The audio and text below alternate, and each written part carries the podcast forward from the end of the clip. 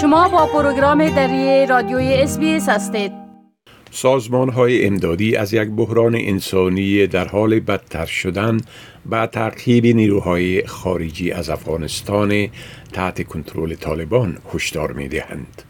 حکومت استرالیا در حال حاضر تحت فشار قرار دارد تا تعهد امداد خارجی خود را برای کمک با آسیب دیده ترین مردم افغانستان به صورت قابل ملاحظه افزایش دهد. چندین دهه جنگ، زایات و زیانهای فراوان را به بار آورده است. اسونتا چارلز از نهاد امدادی ورلد ویژن در افغانستان می گوید که صدها هزار نفر مجبور به فرار از خانه هایشان شده و در کابل در خیمه ها زندگی می کنند.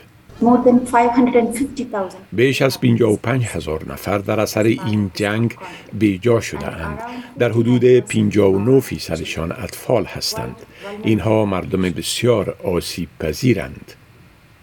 مارک پورسل از شورای توسعه بین المللی می گوید که صدها نفر شدیدن در صدد به دست آوردن پول نقدند و در مقابل بانک های فاقد پول صف می کشند و مردم گشنه به سر می برند چون مواد غذایی کمیاب شده و قیمت ها بلند می رود. There is a massive scale of need میزان احتیاج بسیار بلند است. نیمه از 34 میلیون نفوس کشور که 14 میلیون نفر می شود از خشکسالی متاثر شدند و بناهن خطر واقعی سوی تغذی در حال ظهور است. جنفر تایرنی از سازمان دکتران بدون سرحد می گوید که پیامدهای جنگ و کووید 19 شفاخانه های افغانستان را مملو می سازد. کووید هنوز هم کاملا وجود دارد. ما در حال حاضر تنها در هرات 200 مریض کووید 19 داریم. ما البته که افزایش را در موارد زخم ها و ضربات روانی جنگ شاهد بوده ایم. اقتصاد افغانستان شدیداً بر کمک خارجی متکی است. ولی با حاکم شدن طالبان ایان دهندگان مثل بانک جهانی و صندوق بین المللی پول هزینه هایشان را کاهش دادند. ملل متحد از کشورها درخواست می کند که طور عاجل کمک های فراهم کنند.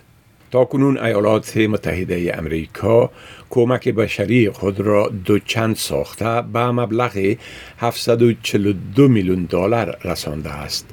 بریتانیا امداد خود را با دوچند ساختن آن به 537 میلیون دلار افزایش داده است. اتحادیه اروپا کمکش را چهار برابر ساخته و به مبلغ 322 میلیون دلار رسانده است. استرالیا بر علاوه بودجه کمک خارجی فراهمی 5 میلیون دلار دیگر را اعلان کرده است. صدر اعظم سکات موریسن در این رابطه می گوید استرالیا یک تعهد ابتدایی خواهد کرد. میزان درخواست هنوز مشخص نشده است. ولی ما اجالتا آن را پیش بینی کرده و در حدود 5 میلیون دلار به این تلاش تعهد می کنیم. اما ارزیابی مصارف استرالیا بر کمک خارجی نشان می دهد که تعهد سالانه این کشور به افغانستان از 75 میلیون دلار در سال مالی گذشته به 53 میلیون دلار در سال جاری کاهش خواهد یافت. این کاهش بیشتر به این هزینه امدادی است که ده سال قبل تحت حکومت جولیا گیلارد 192 میلیون دلار بود. وزیر خارجه مری سپین می‌گوید که کمک بشری استرالیا به افغانستان با وجود خروج اساکرش از آن کشور ادامه خواهد یافت. استرالیا به کمک مردم افغانستان از طریق برنامه توسعه خود از چینل همکاران بین المللی قابل اعتمادش ادامه خواهد داد.